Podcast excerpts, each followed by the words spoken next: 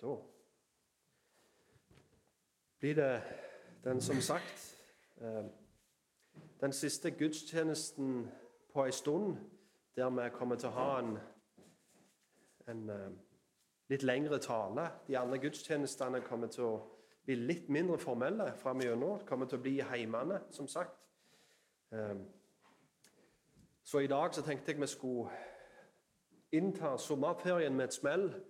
Og Da velger jeg å ta en eh, tematale som jeg tror er høyst dagsaktuelle. Som dere ser i heftet deres, er tittelen på dagens tale 'Gud og myndighetene'. Og hva i alle dager er den jeg har tenkt å snakke om nå? Kan dere lure. Som pastorer så har vi fra Gud et ansvar og en oppgave å forkynne hele Guds råd til hans folk. Det vil si hver bok, hvert kapittel og hvert vers fra Bibelen. Og Det er noe meg og Thomas virkelig ønsker å ta på alvor. Og vi ønsker å bli funnet i ferd med det. Derfor har vi i flere måneder begynt å undervise vers for vers gjennom romerne. Og det kommer vi til å fortsette å gjøre. Og når vi er ferdig med romerne, så kommer vi til å gå videre til neste bok i Bibelen. Men i tillegg til å forkynne hele Guds råd, så har vi som hyrder òg et ansvar til å komme med visdom og formaning på de områdene vi ser den onde verden er mest virksomme i sine angrep mot Guds rike. Som Luther sa så godt Hvis jeg bekjenner med den høyeste røst og klareste eksposisjon hver del av Guds sannhet, bortsett ifra nøyaktig det lille punktet som verden og djevelen for øyeblikket angriper, så bekjenner jeg ikke Kristus. Samme hvor frimodig jeg bekjenner meg med Kristus. Og et sånt punkt, sånne punkt begynner det å bli mange av i det samfunnet vi lever i i dag. Det er flere områder vi ser at ugudeligheten er på innmarsj, og Guds ord og hans folk er under angrep. Og Det jeg vil gjøre i dag, er å etablere eller tale til ett av de punktene der Satan og verden virkelig har klart og gjort stor skade. Og Sørgelig så har denne skaden her vært så stor, og han har vart over så mange år, at de fleste kristne har begynt å venne seg til å leve i ruinene av dette angrepet. Og ikke bare det, men når ruiner får ligge lenge nok, uten å bli bygd opp igjen, så begynner folk å glemme hvordan bygningen skal se ut. Og når det ikke blir bygd opp, og generasjonene går, så vil det å leve i ruinene bli den nye normalen. Og disse ruinene jeg her refererer til, er myndighetene. Se for deg en mann som overleverer tegninger til en snekker. For han vil han skal bygge et hus for ham. En måned seinere ringer snekkeren og sier nå er huset ferdig, nå er det bare til å flytte inn.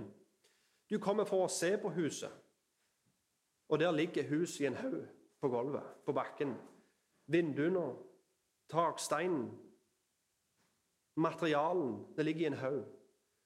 Du vender blikket ditt bort til snekkeren, og der står han krøyer og beundrer mesterverket sitt. Og Han er veldig forventningsfull og spent på hva kommer du til å si nå. Og Det du spør han, det er det kaller du dette for et hus. Og Hans respons er ja, hvis du ser vekk fra tegningene. Jeg er overbevist om at store deler av kristenheten her i Norge er som denne snekkeren. De har ingen problem med myndigheter som ligger i en haug. Og Et flertall av kristne i dette landet ser på denne haugen og er krye og hvorfor er de det? For de har for lengst sett vekk ifra tegningene. Utallige kristne jeg har lest, hørt og snakket med, har vært enige i at vi bor i det beste landet i verden, og at vi er utallige, utrolig privilegerte som får lov å bo i denne velferdsstaten. Og mitt spørsmål er alltid det samme til dem. Ut ifra hvilken standard? Ut ifra hvilken standard er vi de mest privilegerte som får bo her i Norge? Og ut ifra hvilken standard er vi heldige som får bo i det som kalles for en velferdsstat? Konkluderer de sånn for de har sett at bygningen samsvarer med tegningene? Eller konkluderer de sånn ut ifra sine egne preferanser, dermed sin egen standard? Og har vi i det hele tatt blitt gitt en standard av Gud på dette området? Eller er vi overlatt til våre egne preferanser her? Når det kommer til hvordan myndighetene skal bli styrt. Og Det er det som er temaet for dagens tale Gud og myndighetene. Svaret er ja. Gud har sagt noe i sitt ord om hvordan myndighetene skal bli styrt. Og mer enn det. Den autoriteten og myndigheten de har, har blitt gitt dem av Han. Som vi kan lese i Johannes 19, vers 10-11. Johannes 19, vers 10-11. Når eh, Jesus står framfor Pontius Pilatus og blir avhørt, så sier Pontius Pilatus.: Vet du ikke at de har makt til å korsfeste deg og makt til å løslate deg? Jesus svarer at du hadde ingen som helst makt over meg hvis den ikke hadde blitt gitt deg ovenifra. Myndigheten som en institusjon har sitt opphav hos Gud. For det er ingen myndighet uten at den er av Gud, som vi leser i Romane 13, vers 1. Så når det kommer til hvordan myndighetene skal se ut, og hva oppgave myndigheten har, så er det Gud som definerer det, og ikke mennesket. En kristens engasjement i politikken og ellers i samfunnet må være motivert og definert ut ifra hva Gud har sagt i sitt ord. For hvis det ikke får være det, og ditt engasjement og din kritikk er motivert av dine egne preferanser, så er realiteten den at du har lagd deg en konkurrerende standard til Guds ord. Med andre ord du har bygd uten å se på tegningene. Hvis vi kritiserer politikere eller andre mennesker som sitter i myndighetsposisjoner og politikken de driver, uten at det har sitt opphav i hva Guds ord har sagt, så har vi ikke bare satt dere til doms over de menneskene, men vi har òg satt dere til doms over Gud og Hans lov. Og til det har Bibelen edruelig formaning, som vi nå skal lese fra Jakob kapittel 4. Jakob kapittel 4, vers 11-12. Vær gjerne med meg der.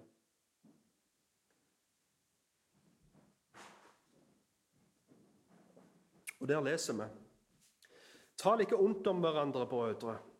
Den som taler ondt om en bror og dømmer sin bror, taler ondt om loven og dømmer loven.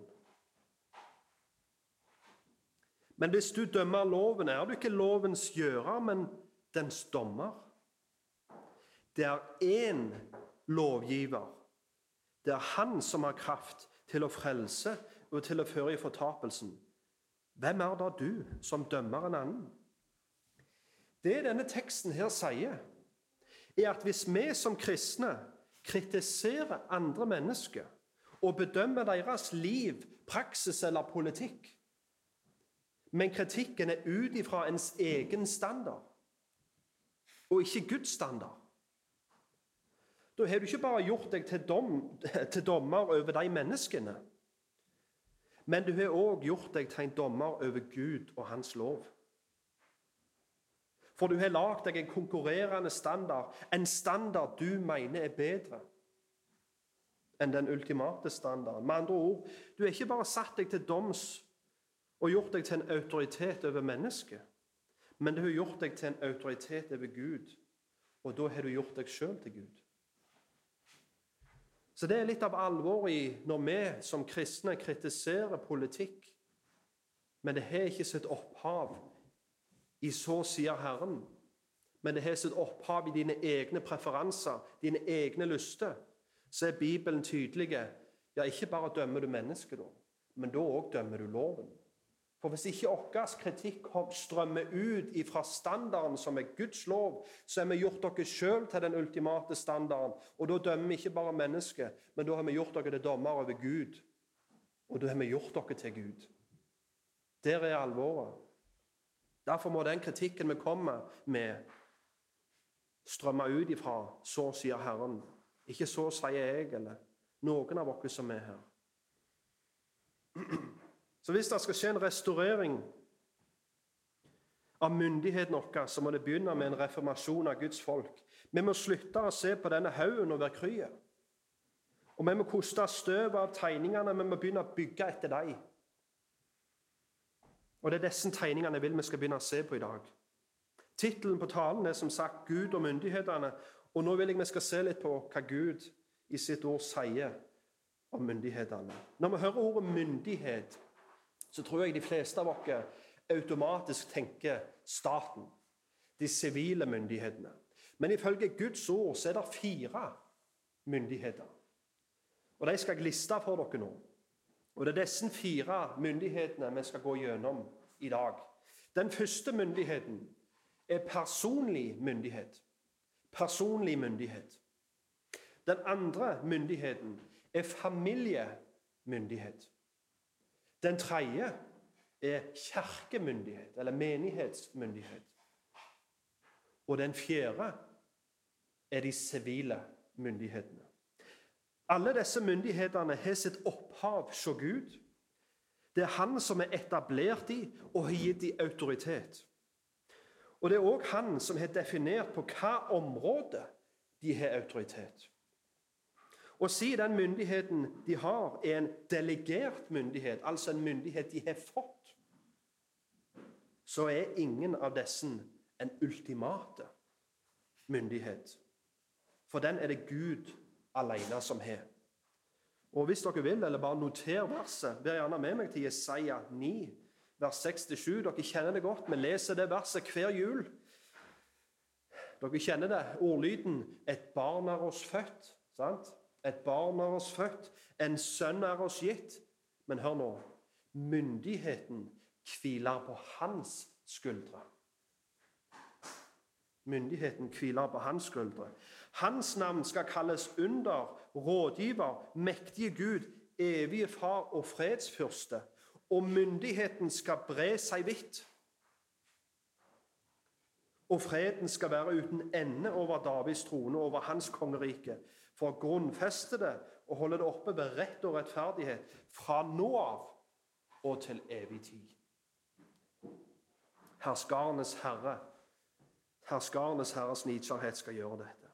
Så den ultimate og absolutte myndigheten hviler på Herren sine skuldre.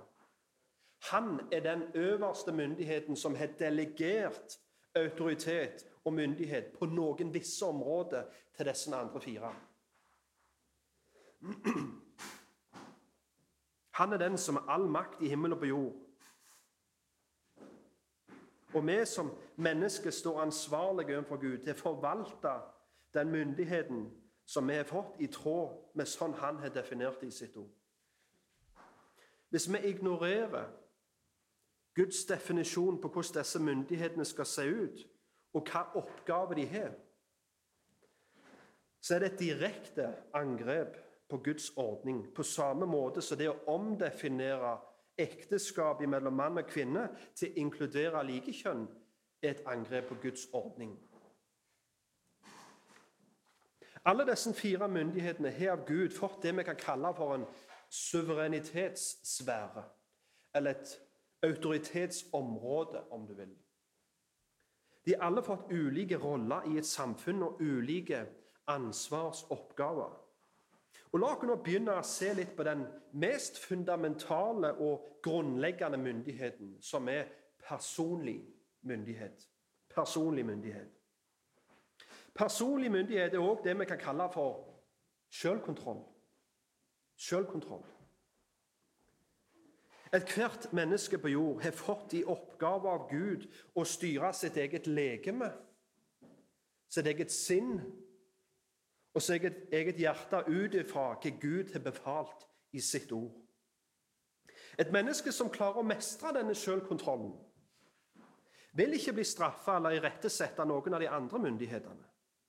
Og ut ifra Guds ord så er det ikke før du klarer å mestre personlig myndighet, at du er klar for å innta en ledende rolle i noen av disse andre tre myndighetene.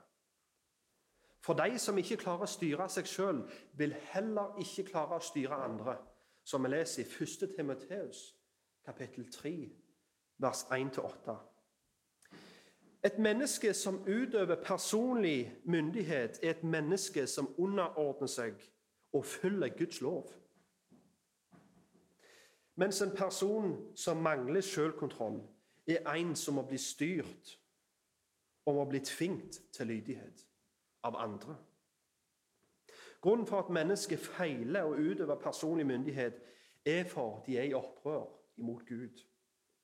Som du sikkert forstår, så er det denne myndigheten alle de andre bygger på. Når denne myndigheten blir tatt på alvor, så vil de andre myndighetsinstitusjonene blomstre. Men når han blir neglisjert, så skaper det kaos, sorg, død og ødeleggelse både i familien, menigheten og i de sivile myndighetene. Når en familie, en menighet eller en sivil myndighet er destruktive, så er det alltid et resultat at det først har vært et opprør i den personlige myndigheten. Ser dere det? Så hvis vi vil se en reformasjon i dette samfunnet, så er det her det må begynne.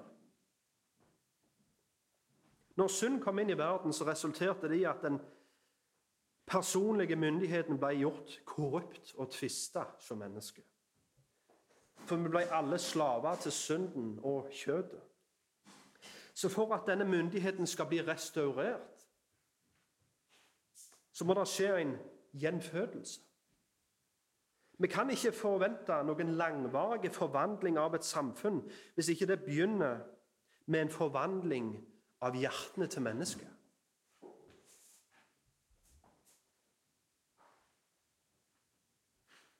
Så Derfor er forkynnelsen av evangeliet det viktigste middelet vi faktisk har. Og når det, eller, når det budskapet blir tatt imot i tro, så tar Ånden bolig i hjertene til mennesket. Og en av de fruktene da som blir skapt i mennesket, det er personlig myndighet. Selvkontroll. Ser dere det? Men hvor er det dette først og fremst skal skje?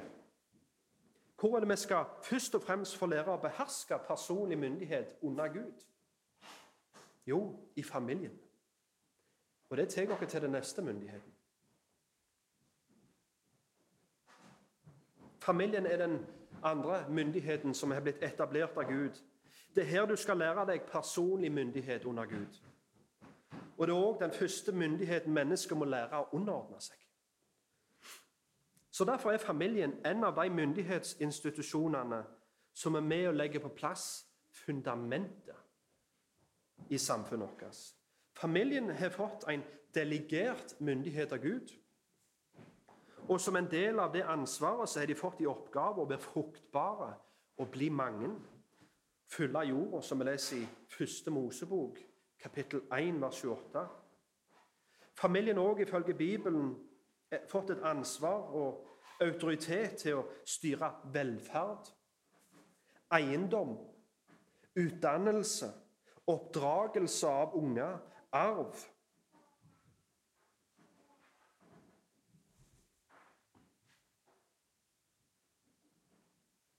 Familien er faktisk den institusjonen som ifølge Skriften har flest ansvarsoppgaver. Og Derfor er det òg den institusjonen som er mest beskytta av Guds lov.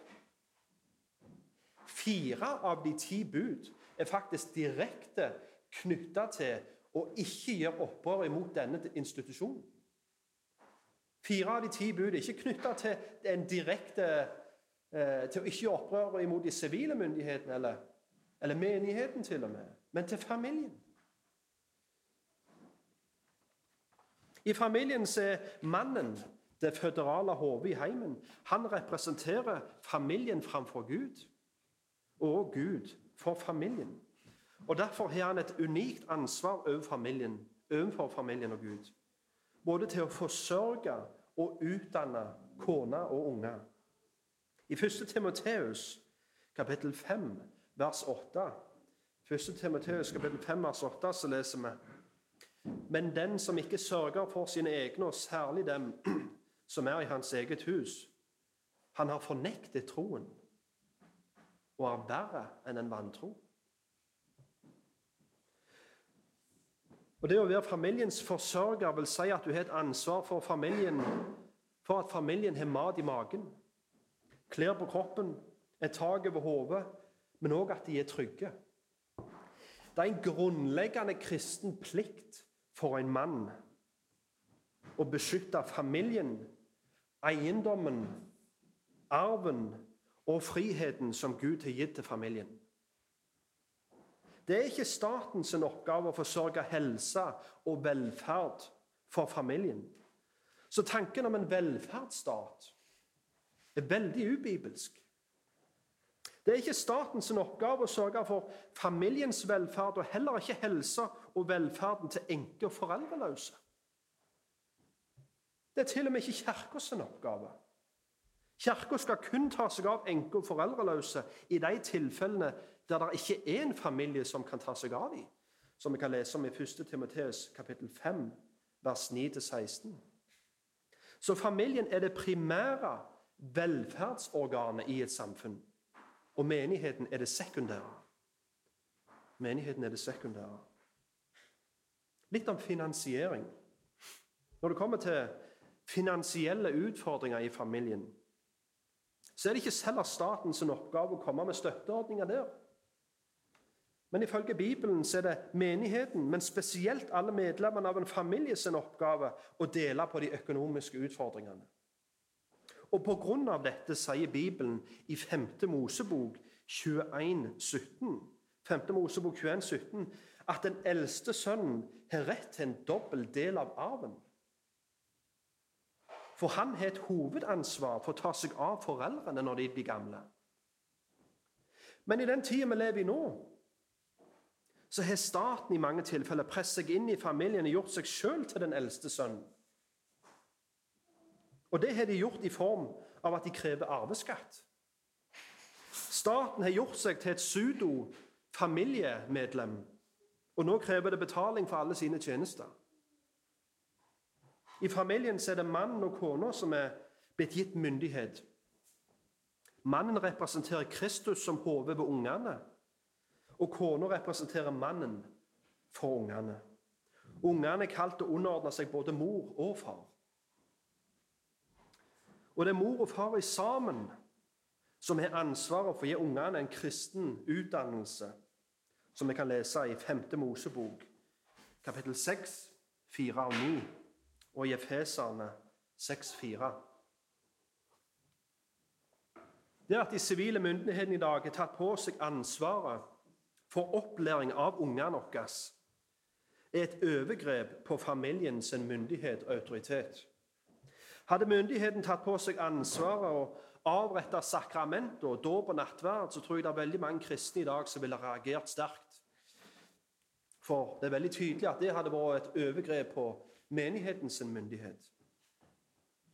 Men når mange kristne i dag, uten kamp, vel å merke, sender ungene sine til den offentlige skolen, så er det tydelig at de ikke har noe imot at deres myndighet er blitt overgrepet og blir overgrepet. Men tingen er den selv om staten tilbyr å gjøre familien sin rolle og ta familien sitt ansvar, så er det ikke rett av oss kristne å ta imot den hjelpen. For det blir å fraskrive seg det ansvaret som Gud har gitt dere. Som foreldre så kan vi for ei tid delegere ansvaret til opplæring av ungene til andre som representerer foreldrenes tro og verdensbilde og livssyn. Med andre ord en, en kristen skole. Men hvis en delegerer opplæring av ungene til mennesker som hater Gud og Hans ord, så er det et opprør mot Guds autoritet og ordning. Og ditt opprør mot Gud vil bli gjenspeilt i dine unger. Hvis ikke foreldrene modellerer for ungene sine at de tar Guds autoritet på alvor, så vil du snart erfare at du får unger som ikke respekterer og underordner seg din autoritet som foreldre. Vi bor i et samfunn der det er lagt opp til at mor og far skal være i 100% jobb. Og der staten står klar til å passe på ungene dine allerede fra de er litt over ett år, til de er myndige. Sånn at du kan få råd til det dyre huset og den flotte bilen. Og, og det alternativet er veldig fristende for mange kristne. Og Har du allerede hoppet på den karusellen, så er mitt pastorale råd til deg ikke vent med å hoppe av til denne karusellen stopper. Hopp av i fart. Hopp av i fart. Og ta den myndigheten som Gud har gitt dere som foreldre, på alvor. Det er viktig at foreldre lærer ungene sine tidlig at de har fått en delegert myndighet av Gud, og ikke at de sjøl er den ultimate autoriteten i ungene sine liv. Men at den hviler på Herren sine skuldre alene. Og det gjør han med å la Guds lov være standarden i heimen. Hvis unger vokser opp i en heim der gang etter gang så får de høre når de spør hvorfor får jeg ikke lov til det, så er alltid svaret for jeg sier det. Så forkynner foreldrene til ungene sine at de er den ultimate autoriteten i heimen. Og Hvis unger vokser opp i en heim der det eneste som fikk konsekvenser, var brudd på foreldrene sine lov, så har foreldrene overgrepet seg på Guds autoritet og hans myndighet med at de har gjort seg sjøl til den ultimate autoriteten i ungene sine liv. Og da har de gjort seg sjøl til Gud for ungene. Og Da vil ungene oppleve at familielivet er tyranni. Og Hvorfor da? Jo, for vi gjør ingen god jobb i å være Gud. Og Når vi inntar den rollen i ungene sine liv, så vil det ende opp med tyranni uansett. For hver gang mennesket tar Guds rolle, så ender vi alltid opp med å være noen tyranner for de som er under oss. Den eneste måten for ungene da å bli fri i det tyranniet, det er å bli fri i deg. Og Da vil du erfare unger som vil, vil, vil vekk fra deg så fort som de kan. De gleder seg mest mer enn noe annet til de får lappen, så de kan vekk fra deg. For de tror at når de bare er vekke fra deg eller har gjemt seg fra deg, så er de frie fra denne tyranniske loven. Men er det sant? Hvis vi hadde tidlig satt i kontakt med Gud og sagt at det er galt, ikke for jeg sier det, men pga. Gud sier det Det er galt å lyge, ikke pga. jeg sier at alle rundt deg blir leie når du lyver, men Gud er ikke en løgner. Og du er satt ned her på jorda for å vise hvem han er. Og når du lyver, så sier du Gud er en løgner. Ser du det? Sett dem i kontakt med Gud tidlig. For når du da ikke er der, så vil autoriteten, den ultimate autoriteten, alltid være der. Det nytter ikke å hoppe på en moped og kjøre ifra den. Ser dere den? Det nytter ikke å få lappen og stikke ifra Guds autoritet. Men jeg kan stikke ifra din. Lappen vil frigjøre ungene dine fra ditt tyranni. Men Guds lov i heimen vil aldri bli et tyranni. For Guds lov er hellig, den er rettferdig, og den er god. Og Gud, han er en god Gud. La ungene dine vokse opp i en heim der de får høre For Gud har sagt. For Gud har sagt. For Gud sier i sitt ord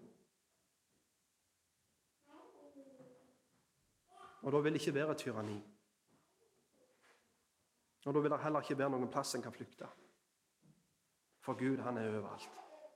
Om du ikke ser, om du ikke er der, så har du satt i kontakt med den guden som er. Så la det være brudd på Guds lov som alene får konsekvenser i heimen din. Og ikke la det være en, eh, en konkurrerende standard og Siden vi som foreldre skal representere Gud og ikke oss sjøl for ungene våre, så er det viktig at vi imiterer Gud i hvordan vi disiplinerer ungene våre. Og det er fem metoder Gud bruker imot sine unger, som vi får lagt fram i Skrifta. Og Jeg vil bare liste de for dere i dag, men seinere kunne det vært nyttig å ha en egen tale om disse fem punktene. Og det skal jeg se om vi kan få til. Det første punktet er verbal disiplinering. Gud sender alltid sine profeter først til å tale folket sitt til rette. Sant? Det andre punktet er å miste goder. Når jødene var ulydige, så fikk de ikke komme inn til det lovede land. Tredje er bortvisning. sant? Ikke bare fikk de ikke komme inn, men de ble vist vekk til å vandre omkring i ørkenen. De ble isolert fra fellesskapet. Det fjerde er det vi ser er fysisk tykt. Det skal være sagt at dette her er ikke lov i dette landet, og jeg tror vi gjør vist i å underordne oss den loven. Men som en tilsynsmann og som en pastor så er jeg satt her for å forkynne Guds ord. Er du med? Og selv om det ikke er lov i dette landet, så betyr det ikke at det automatisk forsvant fra Bibelen. Det står i Bibelen som en metode som er hellig, rett og god. Men så lenge vi er blitt gitt andre metoder i Skriften òg, til disiplinering, så tror jeg vi gjør vist i å bruke dem for så langt som vi kan å underordne oss de lovene som er i landet. Det femte punktet er å miste arv. Miste arv. Og som sagt, Jeg skal ikke gå noe mer inn på dem i dag, annet enn at jeg vil liste dem for dere.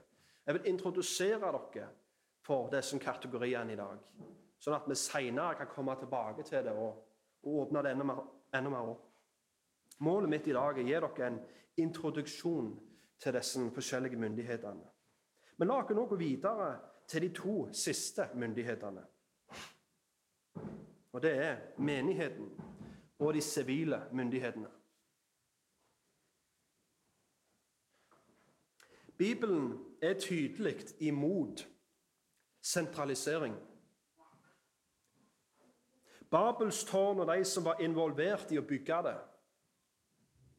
ble dømt av Gud pga. den potensielle korrupsjonen som ligger så nært til et religiøst eller politisk sentralisering.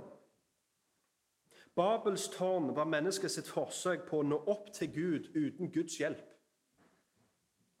Når verden, når verden forente seg under dette ene prosjektet, så var de motivert av den samme sataniske forførelsen som lurte Adam og Eva i hagen.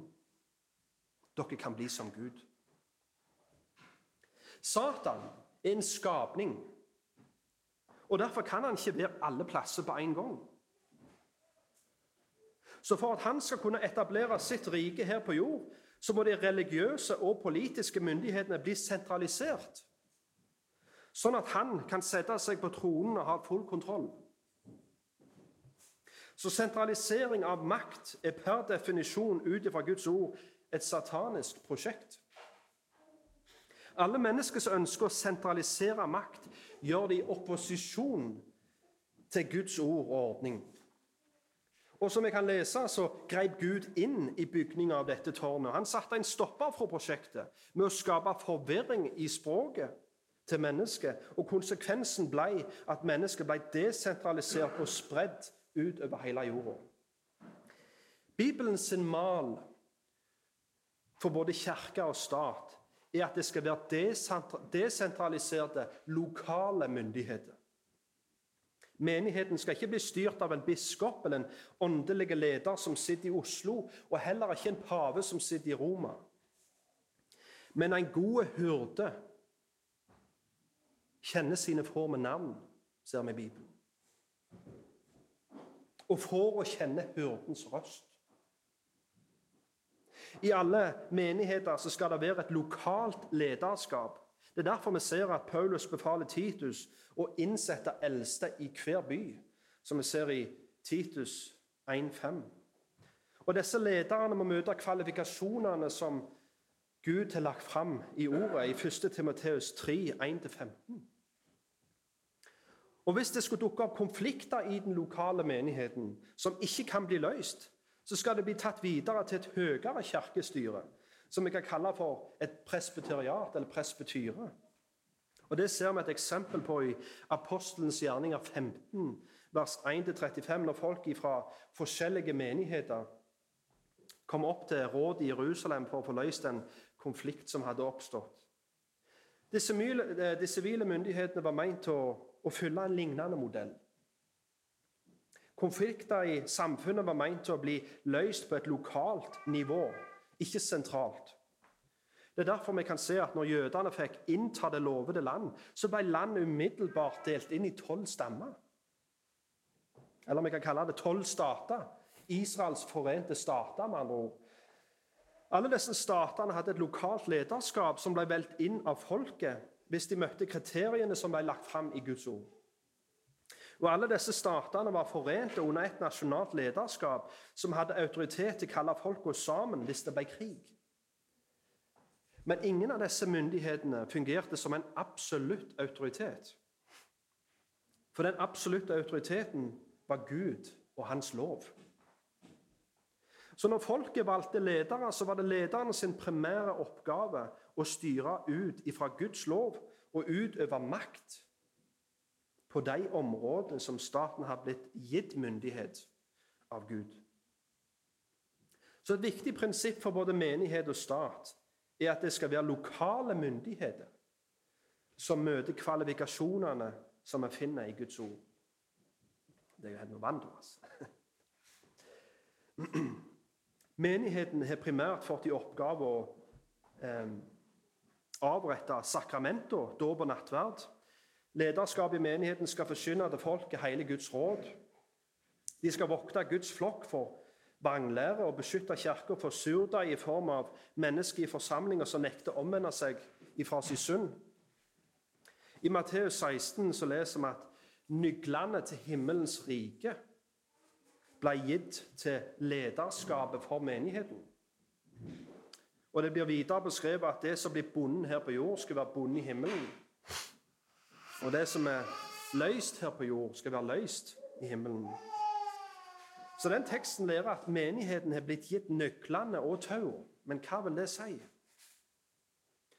Jo, En viktig oppgave til menigheten er å erklære for Gud, nei, erklære for mennesket det som allerede har blitt erklært i himmelen. Hvis mennesket i den lokale menigheten lever i synd, og etter de har blitt konfrontert to og tre ganger, allikevel ikke vil omvende seg, så er det lederskapets oppgave å binde dem i sin synd i form av å nekte dem adgang til nattverdsbordet. For nattverden forkynner det fellesskap vi har med Gud og med hverandre. Men hvis en vil fortsette å leve i synd, så har en ikke fellesskap med Gud. Og heller ikke med hans folk. Og dette blir gjort i håp om at de skal omvende seg. Men om det ikke skjer, så er det siste steget at en skal bli ekskommunisert eller utvist fra fellesskapet. Men det blir òg gjort i håp om at de skal omvende seg. Og Hvis det skjer en omvendelse, så vil de bli invitert tilbake igjen til fellesskapet. Så menigheten har i oppgave å forkynne for mennesket det som allerede er sant i himmelen. Den synden som ville stengt mennesket ut fra himmelen, er òg den synden som stenger mennesket ut fra den lokale menigheten. Ut fra å være et medlem i den lokale menigheten. Vi kan ikke invitere folk til nattverdsbordet som ikke først har blitt invitert til å komme og sitte med Herrens bord i himmelen. Så hvis menigheten har autoritet Menigheten har en autoritet fra Gud til å erklære Hans ord og Hans vilje for mennesket. Grunnen for at vi har kirkemyndigheter, er for at tilbedelsen av en tre ganger hellige Gud, som vi sang om i dag, skal skje i tråd med hans vilje og til behag for ham.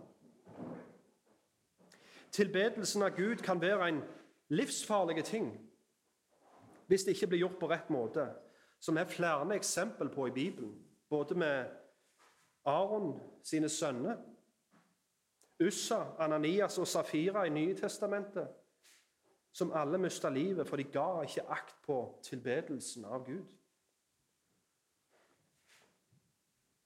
Og det er menigheten som blir beskrevet som den marsjerende styrken som skal innta helvetes porter og legge alle fiender som en fotskammel under føttene til Jesus. Det er kulturen som blir skapt i menigheten, som skal flyte over til familien og til staten. Det er lovsangen og det er forkynnelsen i menigheten som gjør Guds folk klar til kamp. Det er menigheten som skal utruste og sende ut folk til å disippelgjøre nasjonene for Jesus.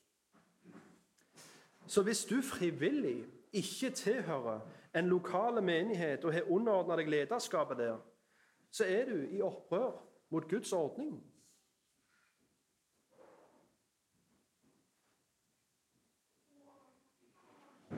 Du har lagd deg en ny kategori. En kategori vi ikke finner i Bibelen. På samme måte som et tredje kjønn er et kategori vi ikke finner i Bibelen. Det er ingen kategori i Bibelen for kristne som frivillig ikke velger å tilhøre en lokale menighet. La oss se litt nærmere på den siste myndigheten, de sivile myndighetene. Dette er den myndigheten som har minst arbeidsoppgaver ut ifra Skrifta. Men allikevel så er det den myndigheten som opp gjennom historien har en tendens til å ville overgripe seg på alle de andre tre. For når noen av de andre myndighetene neglisjerer og gjør de oppgavene Gud gir dem, så har som regel alltid staten stått klar til å overta rollen. Jeg vil gjerne lese nå Romerne 13, vers 1-4. Romerne 13, vers 1-4.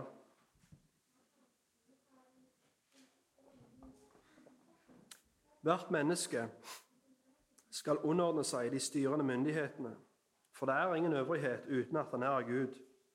Og de myndighetene som finnes, er innsatt av Gud. Hver den som setter seg opp imot øvrighetene, gjør motstand mot Guds ordning. Og de som gjør motstand, skal få sin dom. For de som styrer, er ikke en trussel mot gode gjerninger, men mot onde. Vil du slippe å frykte for øvrighetene, gjør da det som er godt, og du skal få ros av den. For den er en Guds tjener for deg til det gode. Men hvis du gjør ondt, skal du frykte, for den bærer ikke sverdet for ingenting for den er en Guds tjener, en hevner, som skal bringe vrede over den som gjør det onde. Derfor må du være underordnet. De sivile myndighetene sin primære oppgave ifølge Skrifta er å beskytte de som gjør godt, og straffe de som gjør vondt. De innsatt som Guds tjenere for å utøve hevn og vrede på vegne av Han ikke på vegne av seg sjøl. Derfor er det brudd på Guds lov de er innsatt for å straffe. Og de har ikke rett til å gi mildere straff eller strengere straff enn det Gud har befalt i sin lov. Fengselssystemet som vi finner i vårt land og i mange andre, er basert på en veldig ubibelsk tanke om at det er staten sin oppgave å rehabilitere mennesket tilbake til samfunnet. Men det er bare nok et eksempel på et område der staten overgreper seg på familien og menigheten sin myndighet. For det er ikke statens oppgave ifølge Bibelen.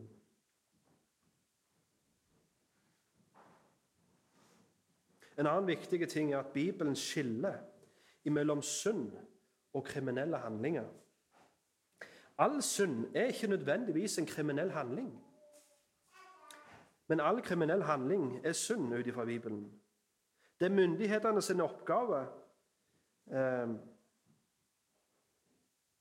ja, Det er ikke de sivile myndighetene sin oppgave å konfrontere eller straffe synd. Det er de andre tre myndighetene sin oppgave. Men de sivile myndighetene har som oppgave å straffe det Bibelen definerer som kriminelle handlinger. Bare for å ta et eksempel. Bibelen sier det er synd å drikke seg full. Men det blir ikke lagt fram som en kriminell handling som staten skal straffe. Så Bibelen skiller mellom synd og kriminelle handlinger.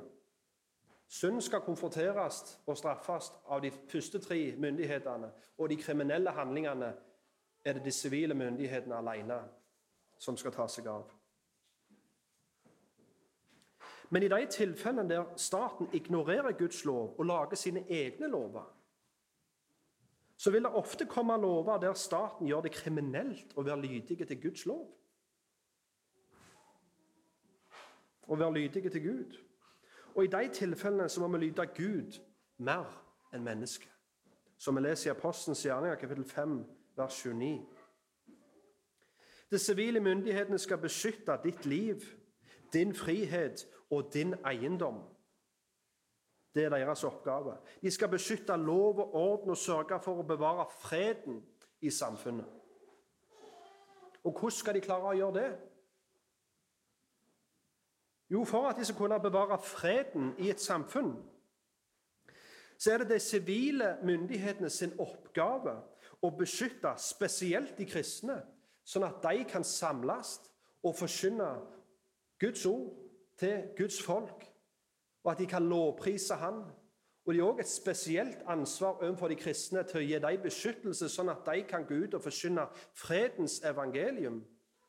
For det vil aldri bli en langvarig og ekte fred i et land hvis ikke fredens evangelium blir forkynt til folka som bor i landet.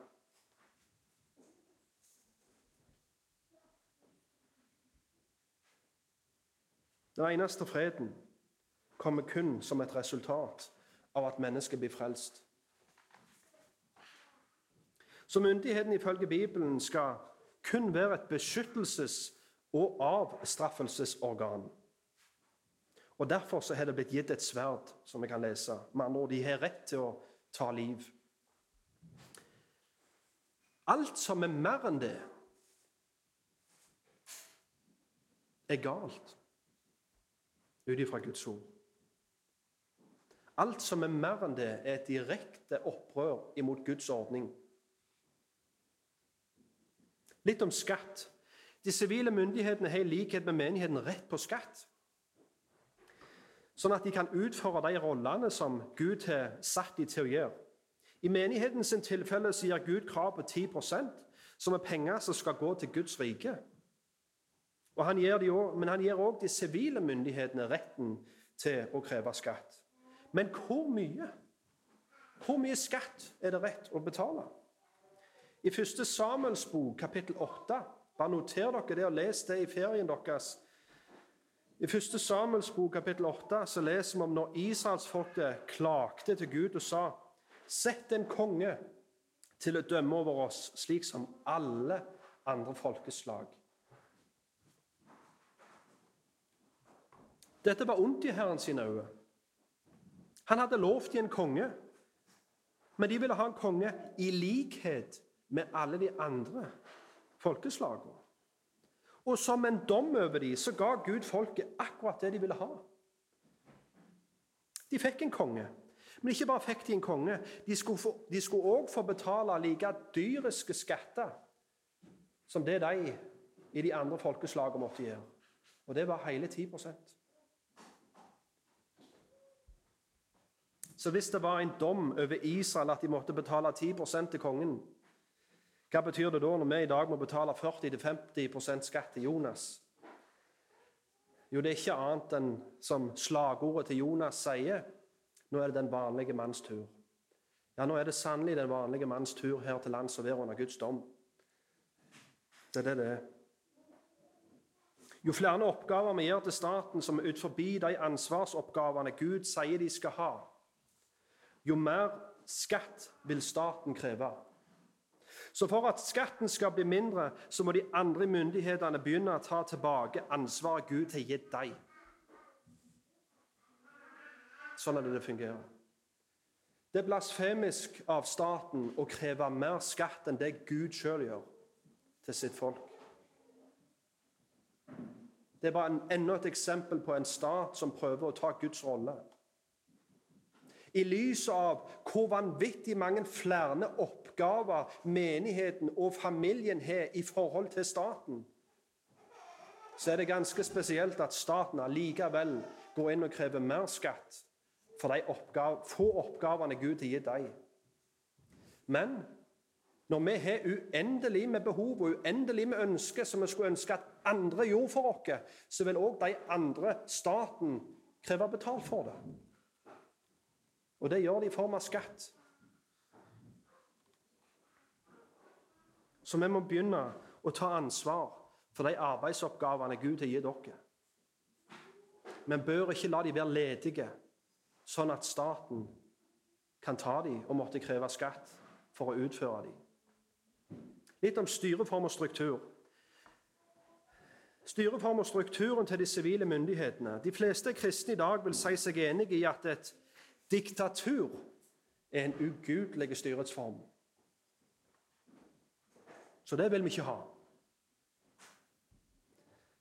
For da er det diktatoren som dikterer lov og moralen i landet. Med andre ord diktatoren har gjort seg sjøl til Gud. Så Derfor er vi veldig glade her i Norge for at vi bor i et demokrati. Men et demokrati er bare en annen form for diktatur. Det eneste som er forskjellen, er at det er de som er i flertall, som får lov å diktere resten.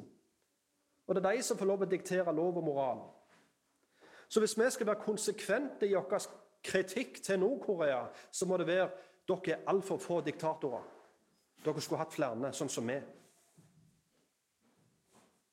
Uansett hvor mye vi her til lands forguder denne demokratiske styreformen, så er ikke demokrati den bibelske malen. Vi har ikke bygd huset etter tegningene hvis vi har bygd den demokratiske bygning. Da kan vi være så krye vi vil når vi står og ser på denne her, men det ligger fortsatt støv på de bibelske tegningene hvis vi ender opp med å ferdigstille et hus som er et demokratisk hus. Hvis flertallet i landet får være den ultimate autoriteten, så er det flertallet som har blitt guden i landet. Ser dere det? Hvis det hadde vært en domstol som var den ultimate autoriteten i landet, så er det domstolen som er guden i landet. Det som får diktere loven i landet, er guden i landet. Enkelt og greit. Det som får diktere loven i landet, er guden i landet. For loven reflekterer alltid den ultimate autoriteten. Som jeg har sagt før, spørsmålet er ikke om vi vil at Gud skal være den ultimate autoriteten i landet vårt, men spørsmålet er hvilken Gud vil dere skal være den ultimate autoriteten i landet.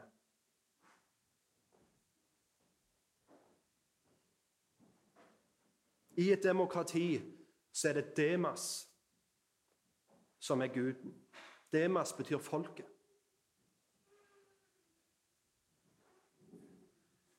Siden det er folket som dikterer loven. Folket kan endre loven. Folket kan legge til loven. Ja, da er det Demas som er Gud. Da er det folket som er Gud. Og det er sånn et demokrati er lagt opp. Men den sivile myndighetsstrukturen vi får lagt, fram i Skrifta, ligner mye mer på det vi kan kalle for en konstitusjonell republikk. Det er Guds lov, der Guds lov er konstitusjonen. Og det er den ultimate autoriteten i landet.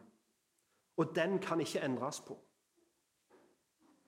Folket kan velge en kvalifiserte leder som skal være representanter for folket. Og Deres oppgave er å opprettholde lov og orden ut ifra konstitusjonen, som har blitt etablert Guds lov. Det er ikke menneskets oppgave å lage, skape loven. Menneskets oppgave er å bare anerkjenne den loven Gud allerede har gitt, gitt dere. Og Her koker det i grunnen litt ned til for å ta et eksempel, forskjell på den romersk-katolske kirka og protestantene. Hvis du spør en katolikk, så vil han si det var Kirka som skapte Bibelen. Det var Kirka som skapte Guds ord. Mens en protestant vil si nei, det var Guds ord som skapte menigheten. Det var Guds ord som skapte Kirka. Og Sånn bør, bør vi òg tenke som protestanter når det kommer til myndigheten. Det er ikke myndighetens oppgave. Det var vi som lagde loven. Nei, det var loven til Gud som lagde sivilisasjonen vår. Vår oppgave er ikke å skape loven. Den er allerede blitt gitt dere. Vår oppgave er bare å anerkjenne det som allerede er der. Da lar vi Gud få være Gud i landet. En stat som har satt Guds lov til side og gjort seg sjøl til lovgiver for mennesket. En stat som overgriper seg på andre, de andre tre myndighetene og tar ifra dem deres rettmessige oppgaver. Og en stat som utøver en total kontroll over sin befolkning istedenfor å beskytte deres frihet, er en stat og, og en stat som skal ha sin del av alt som blir kjøpt og solgt. Det er en stat Bibelen i åpenbaringen kaller for et sjuhova beist. Og det er en sånn et beist de sivile myndighetene her i landet har fått vokse seg til. Så nå er det på tide at de kristne våkner opp. Vi kan ikke, når vi studerer tegningene som lenge har ligget i generasjoner på bakken og støvt ned, når vi lukker opp Guds ord og ser hva Gud sier om hvordan en myndighet skal se ut, og så ser vi at det er et sjuhova beist ut fra Skrifta, og allikevel så sier vi at sitter vi her i Norge på vår høye hest og peker ned på alle andre nasjoner. Se pokker hvordan vi gjør det! Vi er på vår høye hest her og tenker vi får det til. Vi har klart det. Ut ifra hvilken standard? Er det ut ifra Guds standard? Nei. Det er ut ifra ens egen standard. Hvis ikke vi som kristne klarer å se dette, men isteden så viser vi vår takknemlighet og tillit til dette dyret og bare fortsetter å gjøre det mer mat, så det får vokse seg enda større,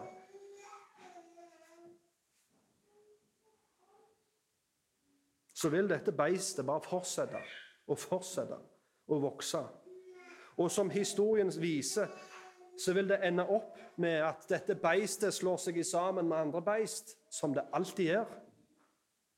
Og sammen så vil de prøve å bygge opp dette Babels tårn på ny.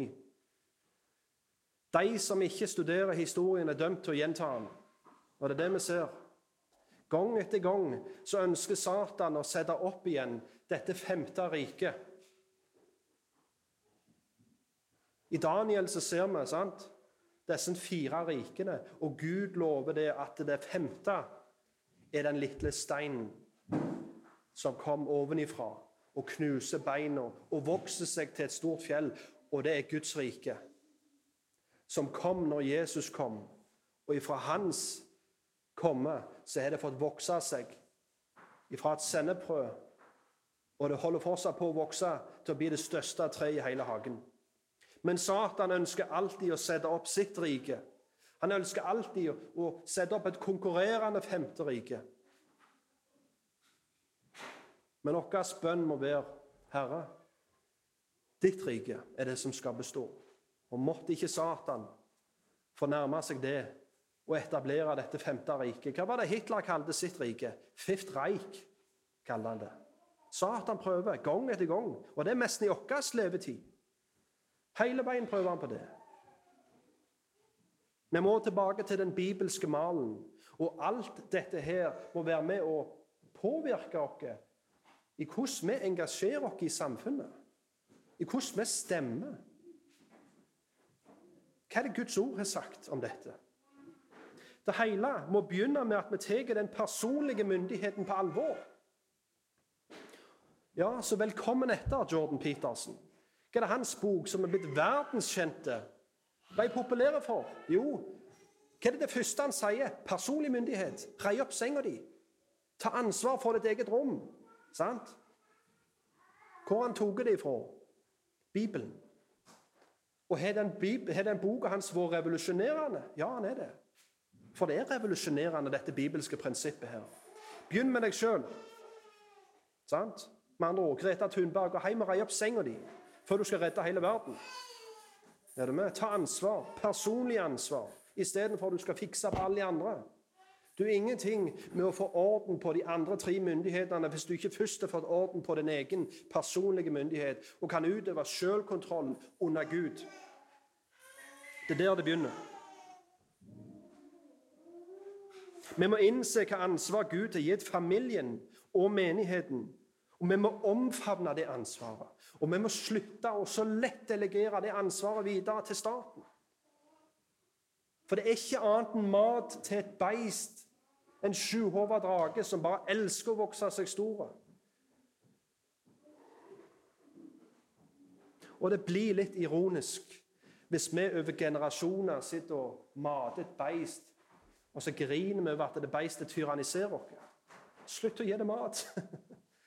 Slutt å gi det mat. Slutt å gi dette beistet dine ansvarsoppgaver. Ta ansvar der du har fått myndighet. Denne forandringen må skje ifra båndene opp. Han skjer ikke fra toppen og ned. Og det skjer gjennom at evangeliet blir forsynt, folk blir frelst, og at vi lærer alle mennesker å holde det Gud har befalt. Så det var en liten introduksjon i dag jeg ville gi dere for hva Bibelen sier om Gud og myndighetene.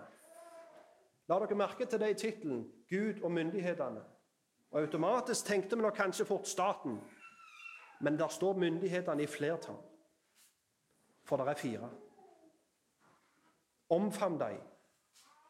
Dette var som sagt en introduksjon. og Jeg har veldig gjerne lyst til at med tida så tar vi én og én myndighet framfor oss og går enda dypere inn igjen. For du treffer ikke det du ikke Hvis du ikke vet hvor målet er, så klarer vi i hvert fall aldri å treffe. Og Hvis ikke vi vet hva standarden er, så bygger vi forgjeves. Hvis ikke Gud får være bygningsmann, så bygger vi forgjeves. Som både står i Bibelen og som vi synger i nasjonalsangen vår. Og det er der vi må tilbake. Vi må tilbake til at Gud får være bygningsmann. Han er den som må få definere myndighetens rolle og dens autoritet, og hvor langt den strekker seg.